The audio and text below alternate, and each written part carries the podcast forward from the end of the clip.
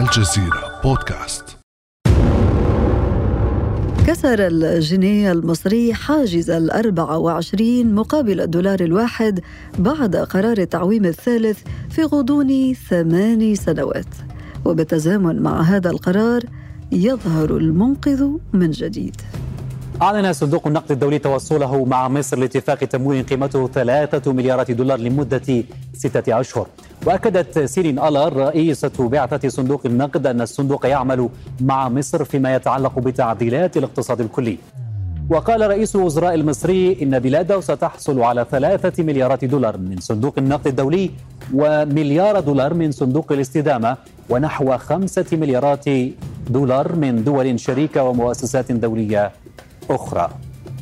قرض جديد يضاف إلى إجمالي رصيد ديون الدولة المصرية التي فاقت الأربعمائة مليار دولار أمريكي منها ديون خارجية قاربت المئة وستين مليار دولار. فلماذا هذا التعويم الثالث للجنيه المصري؟ وما تداعياته الاقتصادية والسياسية؟ وأي مستقبل لاقتصاد مصر في ظل سياسة الاقتراض؟ بعد أمس من الجزيرة بودكاست أنا أمان العريسي.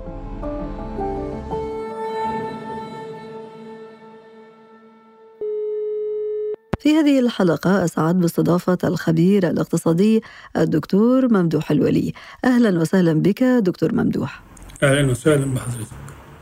دكتور ممدوح هذا القرار هو الثالث من نوعه في عهد السيسي قبل الدخول في تفاصيل أسباب قرار تعويم الجنيه المصري.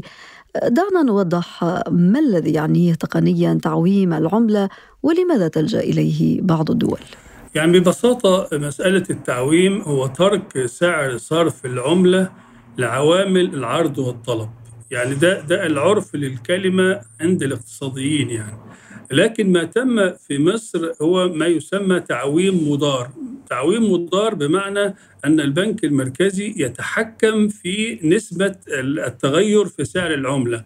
هو يضع نسبة من يكن مثلا 5% أعلى أو أسفل أو 2% أو 3% حسب يعني ظروف توافر الاحتياطيات والموارد من النقد الأجنبي حتى يستطيع التحكم في هذا السعر. وما تم في مصر يعني منذ السنوات الماضية حتى منذ عام 1991 و200 و2003 و2016 وما تم حتى في الشهر الماضي وحتى اليوم هو تعويم مضار حيث تدخل البنك المركزي في تحديد السعر بعد يومين من التعويم الأخير. خلينا نبين بداية الفرق بين السياق الذي جرى فيه تعويم الجنيه عام 2016 وسياق أكتوبر 2022 يعني سياق 2016 كان فيه عوامل كثيرة مساعدة للاقتصاد المصري يعني لنجاح مسألة تعديل سعر الصرف والتحكم فيه رغم يعني يعني يعني توحد مسألة الأزمة إنه كان هناك نقص في العملة الأجنبية في البنوك المصرية ووجود عجز يعني المطلوب من البنوك للتعامل مع الخارج كان أعلى من الأصول اللي عندها الدولارات اللي عندها يعني بحوالي 14 مليار. السنة دي لما بدأنا العملة يعني مسألة التعويم أو ما يسمى التعويم يعني العجز كان بيصل إلى 23 مليار. لكن الظروف في 2016 كان سعر الفايدة في العالم منخفض. فلما حصل التعويم وكان مثلا أي صندوق استثمار أوروبي لما يلاقي مثلا عنده سعر الفايدة على اليورو صفر في المية لما يلاقي الاسترليني سعر الفايدة ربع في المية وبعدين يلاقي مصر وقتها مثلا 14% و15% و16% فهنا في حاجة اسمها تجارة الفايدة. فكان بيجي مصر عشان إن هو يشتري اذون وسندات الخزانة اللي إحنا بنسميها أدوات الدين الحكومي اللي هي الوسائل اللي بتستلف بها الحكومة من السوق. هذا العامل مش موجود دلوقتي. لأنه الفايدة في العالم زادت. يعني شفنا مؤخرا في الاسترلي الاسترليني مثلا وصل 3% الفايدة على اليورو بقت 2% آه، على الدولار بين 3.75 إلى 4% واحد يقول طب ما هو 2 3% أو حتى 4 ومصر النهارده بتتكلم على 17 لا ما هو في حاجة تانية. اولا الفايدة على الأدوات الدين بياخد من المقطع كده من المنبع 20% آه، للضرائب. طيب بيتبقى مثلا حوالي 12 13% في حاجة اسمها يعني ال ال ال الهامش بتاع المخاطر. البلد دي مخاطرها كام؟ فهم الأجانب بيقولوا البلد دي مخاطرها عالية 13% فبيبقى عايز فرق أكبر عشان يدخل البلد دي. العامل الثاني إنه كمان التصنيف بتاع مصر عند وكالات التصنيف الدولية غير استثماري. يعني الدرجة اللي واخدها مصر من وكالات التصنيف الأجنبية الثلاثه الأمريكية كلها غير استثماري. يعني هذا البلد يعني غير جدير بالاستثمار مخاطره عالية. فعلى طول ما بيجيش فما جاش ال ال ال ال هذا المورد اللي حقق لمصر 17 مليار دولار في سنة 2017 فطبعا ده مش موجود. العامل الثاني كان كمان إنه مصر في 2016 قدرت تطرح سندات في الأسواق الدولية دي جابت لها آه، موارد من النقد الأجنبي عملت لها نوع من التعضيد ويعني يبقى عندها موارد حلت بها مشكلة العجز اللي عندها. السنة دي ما يقدرش يطرح سندات في الأسواق الدولية ولأنه في عوامل متغيرة الفايدة في الأسواق الدولية عالية آه، الثقة في الاقتصاد أقل. اللي زي ما أنا قلت العجز الموجود في الجهاز المصرفي في النقد الأجنبي 23 مليار دولار في حين الصندوق هيديله ثلاثة فقط وهيديهم له على آه، حوالي يعني آه، ما يقرب من أربع سنين. فبالتالي ما فيش ثقة لدرجة حتى بعد ما صدر ال ال ال يعني الكلام بتاع القرض الجديد من الصندوق في سندات مطروحة في الأسواق الدولية سندات مصرية في الأسواق الخارجيه هذه السندات انخفضت قيمتها بعد صدور ال الكلام بتاع القرض الجديد والاتفاق الجديد. فمعنى كده إن الثقة أقل المره دي. يعني. طيب خلينا بما أنك تطرقت إلى آه، القرض آه، الذي أعطاه صندوق النقد الدولي لمصر بقيمة 3 مليار دولار على مدار 46 شهرا هذا القرار جاء مباشرة بعد قرار تعويم دكتور ممدوح. هل هناك ارتباط بهدف تعزيز هذه الثقة التي قلت أنها تراجعت؟ هو يعني يعني معروف إن هناك إجراءات يعني متتالية بيتبعها الصندوق مع أي دولة نامية بتلجأ إليه للحصول على القرض. أول حاجة بيبقى في مفاوضات على مستوى الخبراء ودي بدأت مع مصر في آه، شهر مارس اللي فات واستمرت لحد لما كان في اجتماعات الخريف بتاع الصندوق والبنك الدولي وكان في وفد من عدد من الوزراء المصريين واتفقوا على كافة التفاصيل. كان متبقي إعلان القرارات المصرية اللي تمهد بقى لإعلان اتفاق على مستوى مستوى الخبراء. فيوم 27 أعلنت الحكومة المصرية القرار التعويم وزادت سعر الفايدة. على طول آه، بدأ على طول الصندوق يعني يفصح بقى عن آه، الاتفاق اللي تم على مستوى الخبراء. ده هيعقبه يعني خلال أسابيع إنه وزير المالية المصري ومحافظ البنك المركزي المصري هيقدموا ما يسمى بخطاب النوايا إلى إدارة الصندوق. يجتمع مجلس مديرين الصندوق في شهر ديسمبر القادم ليوافق على القرض وده بيبقى إجراء روتيني طالما إنه تم الاتفاق على مستوى الخبراء. يعني دكتور ممدوح أننا سنشهد آه، تداعيات لهذا القرار آه، في الخاص بتعويم العملة المصرية سريعا على الاقتصاد المصري سواء سلبا أو ايجابا، هل هذا صحيح؟ بالطبع لأنه ال ال ال إحنا خدنا أو الحكومة المصرية استفادت من التجربة بتاعة 2016 لأنه في 2016 حصل تكثيف في تطبيق الشروط اللي طالبها الصندوق. يعني خلال أيام قليلة تم مسألة خفض سعر الصرف. وزيادة سعر الفايدة كانت وقتها ب 3% وخفض سعر زيادة سعر أسعار المحروقات يمكن حوالي خمس آه، أنواع في الوقت دهون فكان في تكثيف في الإجراءات عشان يحصل الموافقة بتاعه الصندوق. فالمرة دي جزأوا المسألة. يعني أجلوا مسألة رفع الدعم على المحروقات إلى بداية يناير القادم واكتفوا بمسألة آه، سعر الصرف ومسألة سعر الفايدة. لكن هناك إجراءات أخرى قادمة يعني هناك مسألة مثلا آه، بيع الحصص في الشركات الحكومية. ده إجراء. مسألة زيادة الضرائب زيادة الرسوم كل ده قادم. هناك العديد من القوانين اللي طلبها الصندوق هتتم خلال الشهور القادمة. نعم يعني وستنعكس نعم وستنعكس مباشرة ودون شك دكتور ممدوح على حياة الناس العادية.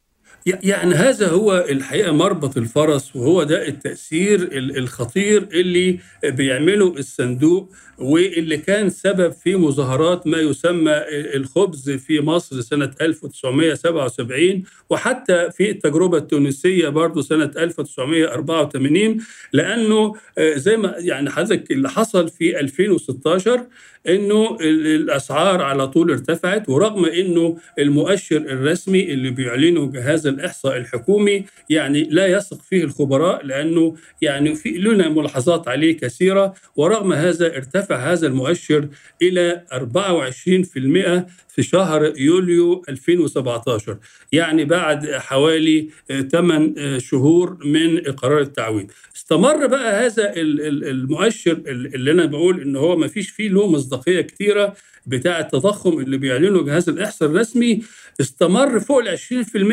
في سنة 2017 واستمر مكون من رقمين طوال شهور سنة 2018 ولم ينزل إلى رقم واحد يعني أقل من 10% إلا في يوليو 2019 يعني قعد سنتين ونص مرتفع. فإحنا المرة دي قبل ما يحصل الاتفاق أو الإعلان عنه على مستوى الخبراء كان التضخم آه، برضو الرسمي اللي هو برضو قلت إن المصداقية بتاعته ضعيفة 15 و3 من عشرة. 15% نسبة تضخم معلنة رسميا دكتور ممدوح. أنت تشكك في هذه الإحصاءات الرسمية. برأيك بناء على الحسابات وأنت متابع لصيق للشأن المالي المصري كم تتوقع أن تكون هذه النسبة الحقيقية؟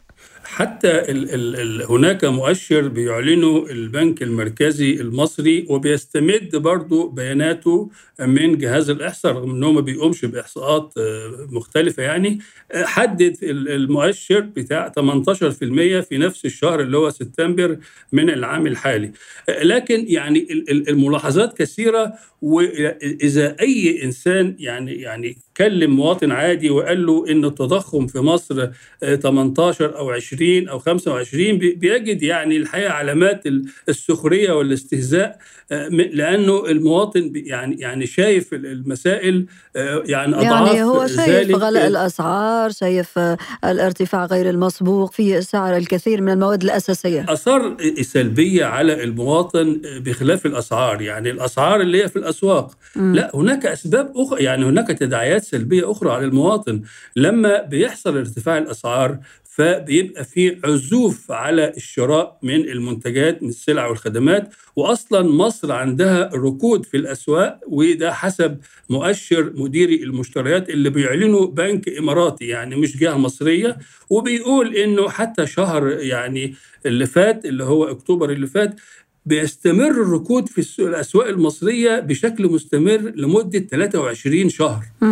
ولكن, ولكن هناك بعض المحللين دكتور ممدوح يقول لك إنه هذا الركود وتراجع المقدرة الشرائيه يعني ليس شأن مصري آه، يعني خاص يعني وهذه الأزمة عالمية في آخر المطاف. بتختلف النسب يعني لما بنشوف النسب العالمية يعني يعني هناك فرق شاسع ما بينها وما بين الحالة المصرية الأمر الثاني إنه إحنا شفنا مثلا لما حصلت الأزمة الروسية الأوكرانية شفنا إنه في برامج دعم قدمت من الحكومات في ألمانيا في فرنسا في إنجلترا بشكل مكثف للمواطنين لتخفيف حدة الأزمة في, في, في مصر المسألة أقل من ذلك بكثير. وبعدين لما بيأجل قرار مثلا زي مسألة رفع سعر الكهرباء يقوم يحسبه في الحسبة بتاعه وزارة المالية ويقول آه ده إحنا كلفنا الحزمه الاجتماعية 4 76 مليار جنيه. يعني في حتى تضخيم في الأرقام حتى لتبيان إنه في يعني مساهمة حكومية رغم إن هو لم يدفع يعني شيء في مثل هذا الأمر يعني. الأمر اللي برضه لازم يعني يعني نوضحه إنه لما حصل موضوع التعويم في أثر يعني مزدوج على الموازنة العامة بتاعت الحكومة بتاعت الدولة. الأثر الأولاني لما رفعنا الفايدة 2% طيب المكون الأكبر في الموازنة الحكومية المصرية هو الفايدة بتاعت الدين الحكومي.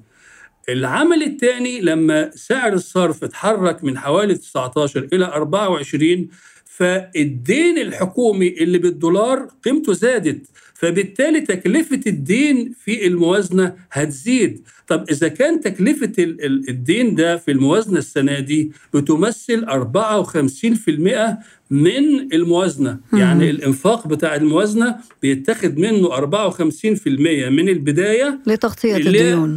لمغسلة الديون. وبقيت بقى البنود بتاعة الموازنة من أجور ومن دعم ومن مستلزمات للجهاز الحكومي الإداري وغيرها من البنود بتاخد النسبة الأقل. طب النسبة دي زادت مع ال ال ال القرار التعويم. طب هيحصل إيه بقى على المواطن؟ المواطن اللي كان مثلا مقرر إنه في البلد بتاعته في المحافظة أو في القرية أو غيره في مدرسة هتتبنى أو مستشفى أو طريق أو أي يعني بنية أساسية هتتم هتؤجل.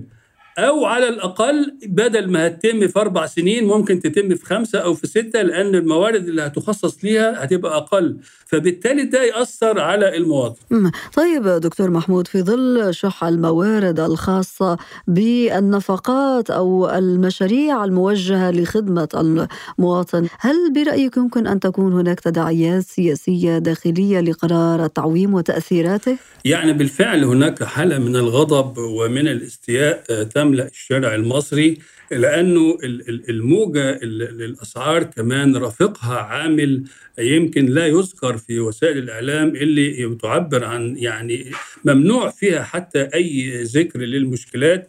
إنه حتى في هناك نقص للسلع الأساسية. يعني مثلا سلعة زي الأرز مثلا يعني يعني دي سلعة أساسية في كل بيت. يعني ومع هذا مش موجود. يعني والحكومة بتحاول يعني بأشكال معينة إن هي تقول إنه موجود وبتحاول وزارة التموين وهي طبعا الصوت الوحيد لكن مش موجود. في سلع أخرى أساسية مش موجوده طيب هذا الغضب الشعبي بيقابله بقى يعني يعني حالة من إجهاض رسمي حكومي منذ سنوات للحركة العمالية. كان دايما تاريخيا الحركة العمالية هي اللي بتحرك الشارع. أين هي الحركة العمالية اليوم دكتور ما هو يعني يعني تم على طول تدجين النقابات العمالية وتمثيلها من خلال يعني أشخاص موثق بهم من خلال الحكومة بحيث في هناك غياب تمام من خلال الحركة العمالية عن الساحة السياسية، أيضا تغييب للحركة الطلابية، تغييب للأحزاب الفاعلة، تغييب للقوى السياسية الحقيقية، هناك كاميرات موجودة في الشوارع والميادين وحتى في الشوارع الفرعية، يعني هناك فرض على المحلات إن هي تعمل كاميرات في الشوارع بحيث إنه يتم يعني تفريغها عند أي حدث. تجنيد مواطنين للتعاون مع الأمن يعني إعلام يعني بيرى هلاكه مع هلاك النظام فبالتالي بيستميت في الدفاع عنه يعني. في هذه الحالة أتساءل هنا دكتور ممدوح من المستفيد إذا كان تم تدجين الحركة العمالية والأحزاب السياسية وكل الاصوات تنتقد أو تعبر عن غضبها إزاء هذه الوضعية المالية؟ وفق تعبيرك دكتور ممدوح. يعني هناك طبعا يعني مستفيدين من الداخل من يعني أعوان النظام ويعني لأنه يعني لو حصل أي شيء لهذا النظام فهم سوف يداروا. هناك استفادة من القوى الغربية والإقليمية لأنه النظام بيحقق مصالحها وكمان حاجة أساسية إنه بيمنع التغيير وبيعمل إحباط في الشعوب بحيث إن هم يعني عايزين إنه ما يكونش فيه نوع من الأمل لدى الشعوب المنطقة إنه يكون هناك تجربة ناجحة وبيحاولوا يجهضوا ما تم في ثورة أو ثورات الربيع العربي. فبالتالي يعني النظام لا يعمل وحده. ولذلك هنا هقول الحقيقة يعني مثال رئيسي. وكالات التصنيف الدولية عندما حدثت المشكلة الاقتصادية في تونس قامت بتخفيض تصنيف تونس بشكل عنيف. نفس المشاكل موجوده في مصر ومع هذا لم تخفض يعني وكالات التصنيف الدولية تصنيف مصر ما عدا يعني تعديل في النظرة المستقبلية لدى وكالة موديز أنها يعني تحركت من مستقر إلى سلبي. وعندما سألوا الوكالات لماذا لم تغيروا تصنيف مصر رغم أن المشاكل يعني التي كانت موجودة في 2016 هي نفسها الموجودة الآن قالوا لأن مصر ستجد من يعاونها في كل وقت.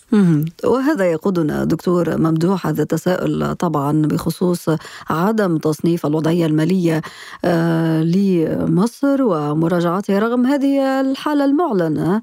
يعني ما فيش حاجة مستخبية كما يقول المصريون دكتور ممدوح. فنتساءل هنا عن المستقبل. هل برأيك ترى زاوية إيجابية ربما لمستقبل الاقتصاد؟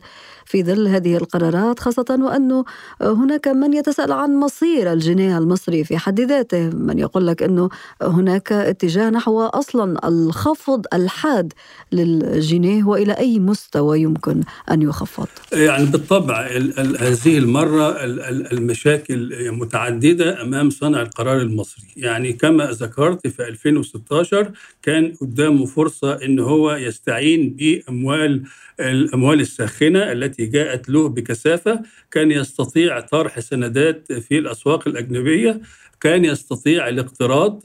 من دول الخليج وغيرها ومن منظمات إقليمية ودولية الصورة حاليا يعني ضاقت عليه بشكل كثيف وبالتالي يعني هناك مشكلة عميقة أمام صنع القرار حتى يدافع عن سعر الصرف. ولهذا لجأ إلى بعض الأمور الجزئية مثل مسألة السماح للمغتربين باستيراد سيارات بحيث يحصل على بعض الدولارات بيع الأراضي والعقار للمغتربين آه، عمل بعض الإعفاءات الضريبية للمستثمرين الأجانب بيع الأصول لصناديق سيادية خليجية ولكن كل هذه يعني الموارد حتى ستكون قليلة أمام حجم الفجوة الدولارية الحالية التي تبلغ 45 مليار دولار وكذلك قيمة تكلفة الدين الخارجي التي ستصل في العام القادم آه، في الدين الخارجي سواء المتوسط والطويل وقصير الأجل إلى 44 مليار دولار في سنة واحدة. وبالتالي المشكلة أكبر من الحلول الجزئية التي يعني تمارسها الحكومة المصرية أو ستمارسها خلال الشهور القادمة. لكن الأساس الذي كشفت عنه تجارب مصر مع الصندوق وهذا الاتفاق هو الاتفاق السابع لأنه الاتفاقات بدأت سنة 1962 لكن كل هذه الأمر تكشف أن الحل ليس عند الصندوق بل حل من الداخل بعلاج المشكلة المشاكل المزمنة الاقتصادية المصرية وأبرزها العجز في الميزان التجاري وتحسين بيئة الاستثمار والعودة للاعتماد على القطاع الخاص وتقليص دور الجيش في النشاط الاقتصادي وأن الإنتاج هو الحل الرئيسي للخروج بمصر. ولكن هذا يحتاج إلى وقت وإلى يعني بعض الوقت وخلال هذا الوقت يتوقع أن تتدهور قيمة العملة إلا إذا عاد البنك المركزي للتحكم في سعر الصرف كما تحكم منذ 2016 وحتى 20 مارس 2022 إذا الحل وفق تقديرك دكتور ممدوح يجب أن يكون من الداخل والحلول الجزئية لن تحل هذه الوضعية المالية المعقدة في مصر. الخبير الاقتصادي الدكتور ممدوح الولي شكرا جزيلا لك على كل هذه التوضيحات. شكرا لحضرتك يا فندم. كان هذا بعد أمس.